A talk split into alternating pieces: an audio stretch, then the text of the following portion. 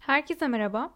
Bugün inceleyeceğimiz eserler dünyanın yedi harikasından biri olan Artemis Tapınağı ve Efes'te Artemis heykeli olacak. Artemis Tapınağı ülkemizin İzmir şehrinde Efes Antik Kenti'nde bulunuyor. Ben önce size Artemis Tapınağı'nın mimarları İyonyalıların hızlıca bir tarihinden bahsetmek istiyorum. Milattan önce 1050 ile 546 yılları arasında yaşamış İyonyalılar. Milattan önce 1200'lerde katların Dor baskısından kaçarak Ege kıyılarına yerleşiyorlar. Ardından Batı Anadolu'da Polis adı verilen şehir devletleri kuruyorlar. Bu şehir devletlerinin en önemlisi de Efes, Milet, Foça ve Simirna.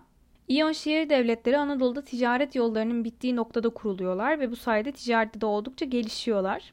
Lidyalılar İyon şehir devletlerinin kral yolundan ticaret yapmasına izin vermemişler. Bu nedenle İyonyalılar deniz ticaretiyle uğraşmışlar. Ege, Marmara ve Karadeniz'de ticaret kolonileri kurmuşlar. İyon şehir devletleri arasında siyasi birliğin oluşamamasının temel nedeni de aralarındaki ticaret rekabeti olmuş. İyon şehir devletleri dönemin en önemli bilim ve kültür merkezlerinden biriymiş. Bu durumun oluşmasında da şehirlerde özgür düşünce ortamının olması ve Ege ve Mısır uygarlıklarının yakın bölgede yer alması etkili olmuş. İyon kültürünün hakim olduğu döneme ilk çağın Rönesans dönemi deniliyormuş hatta. Bilimsel ve kültürel alandaki çalışmaları sayesinde İyonlar Avrupa kültürünün özünü oluşturmuşlar. Düşünürlerden biraz bahsedeceğim. Astronomi ve matematikte Thales çok ünlü. İlk kez güneş tutulmasını hesaplamış. Ayrıca Mısır piramitlerinin yüksekliğini de hesaplamış. Yine astronomi ve matematikte Pisagor öne çıkıyor. Dünyanın yuvarlak olduğunu ileri süren ilk bilim adamı Pisagor. Edebiyatta Homeros, İlyada ve Odessa destanının yazarı. Tarihte Herodot, Bodrumlu Herodot diye de geçer. Tarihin babası olarak bilinir. Tıpta Hipokrat, tıbbın babası olarak adlandırılır. Bütün tıp mezunları Hipokrat yemini ederek mesleğe atılırlar. Felsefede Diyojen dönemin en önemli filozoflarından biri zaten. İyonlar ülkelerine yönelik herhangi bir tehditle karşılaştıklarında ülke yönetimini içlerinden bir komutanı devrediyorlarmış. Tiranlık adı verilen bu sistem bugünkü sıkı yönetim veya olağanüstü hal anlayışının ilk örneği. İyonlar Fenike alfabesini geliştirdiler ve İyon alfabesi olarak kullandılar bunu. Bu alfabeyi sonraki dönemlerde Yunanlar ve Romalılar da geliştirdiler ve bu alfabe günümüzde Latin alfabesi olarak geldi. Yani Latin alfabesinin kökenleri de İyonyalılara dayanıyor. İyon şehir devletleri M.Ö. 7. yüzyılda Lidya egemenliğine girmiş, daha sonra Persler tarafından yıkılmış. Efes'teki Artemis ve Hera tapınakları da İyon mimarisinin günümüze ulaşabilmiş en önemli örneklerinden. Artemis tapınağı demişken Artemis tapınağını önce bir ben hızlıca size tarif edeyim. Önce sanki hiç yıkılmamış gibi yapılmış biraz canlandırılmış, içine büyük ihtimalle hayal gücü de katılmış resimler var burada. Aslında üç boyutlu tasarımlar desem daha doğru olur. Ben World Archaeology Blogspot'ta bulduğum canlandırmaya bakıyorum. Bu canlandırmaya göre yani çok rahat 140 tane falan sütunu olan, kapısının girişinin iki tarafında da aslan heykelleri olan Üç girişi olan, üçünün de merdivenli çıkılan, etrafında yeşil küçük küçük küçük küçük ağaçlık alanları olan, çatısının ise üstü kiremit rengi, etrafındaki desenleri kırmızı, mavi, beyaz renkli ve ortasında da en ortada Artemis'in kabartması etrafında da ona doğru yürüyen insanlar ve hayvanların kabartmaları var. Her sütunun tepesinde koç boynuzu gibi böyle içine doğru kıvrılır bir şekil var. Sütunların altındaysa kadın silüeti olduğunu düşündüğüm insanımsı yani insan gölgesini andıran görüntüler var.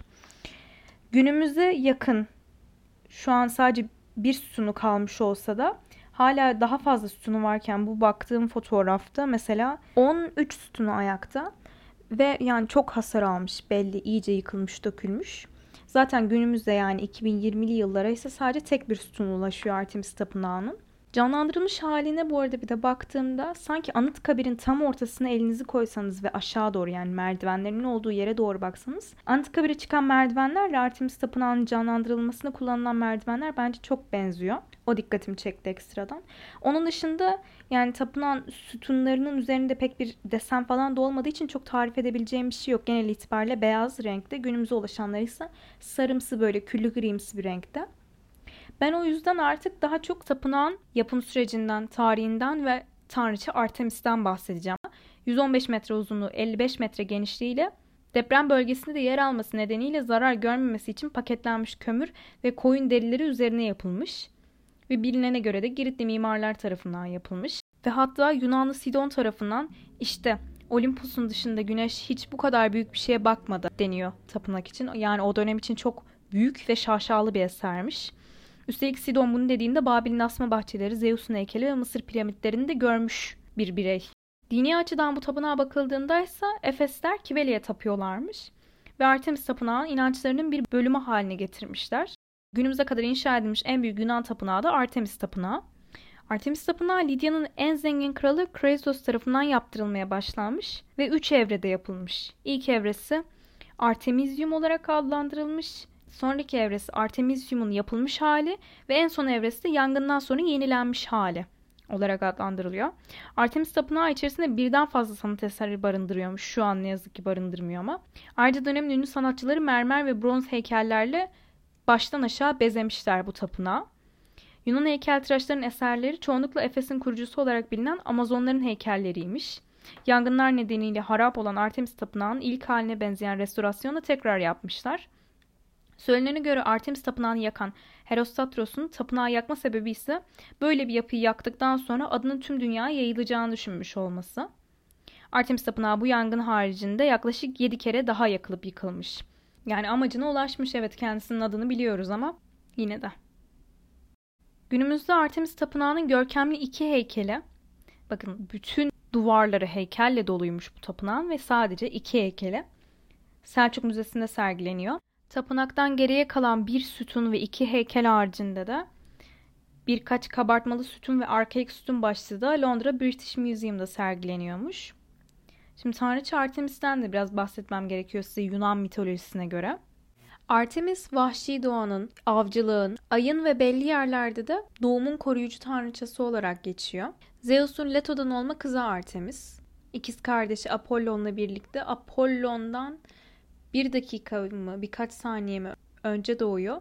Ve annesine kardeşi Apollon doğururken yardım ediyormuş bu yüzden. Doğumla da özdeşleştiriliyormuş.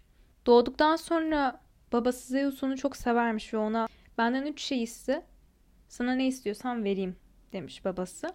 Ve Artemis'in istekleri de bir ömür bakire kalmak, ok ve yay ve hepsi benzer yaşlarda 60 tane su perisinin veya doğa perisinin hizmetinde olması. Artemis ile ilgili anlatılarda özellikle ünlü olan Orion'la olan hikayesi. Artemis ve Orion birbirlerine çok aşıklarmış. Artemis bir bakirelik yemin etmiş olmasına rağmen Orion'la evlenip bir hayat kurmayı bile düşünüyormuş. Bir gün kardeşi Apollon'la birlikte ava çıkmışlar. Kız kardeşini Orion'dan kıskanan Apollon da bir plan yapmış. Orion onlardan yeterince uzak kaldığında tam bir nokta kadar göründüğünde Artemis'e şuradaki geyiği vurabilir misin diye Orion'un olduğu noktayı göstermiş. Artemis de tabii ki vururum deyip atışını yaptığında tam 12'den tek aşkı Orion'u vurmuş. Artemis heykeline geçiyorum buradan. Yani açıkçası benim gördüğüm en görkemli ilk beş heykelden biri. Heykelin dört bir yanındaki en küçük kabartmalar bile bir anlam taşıyor. Antik dönemden kalma aslında iki tane Artemis kültü varmış. Birincisi Yunan mitolojisinin büyük tanrıçası olan Artemis ki bahsettim az önce. İkincisi de Efes'in Artemis'i şu an incelediğim. Efes Artemis'i tabiatın ve hayvanların tanrıçası ve genç kızların koruyucu anası olarak geçiyor. Efes Müzesi'nde sergileniyor şu an günümüze ulaşmış en sağlam Artemis heykeli. İlk Artemis kültünün tahtadan olduğuna ulaşmışlar bazı antik yazılardan ama o bulunamamış.